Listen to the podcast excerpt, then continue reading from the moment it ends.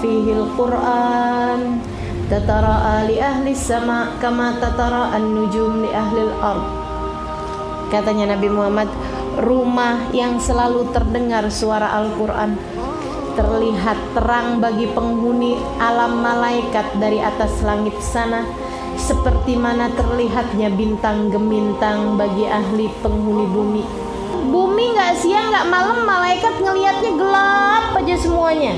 Kecuali rumah-rumah yang di sana terdapat suara Al-Qur'an.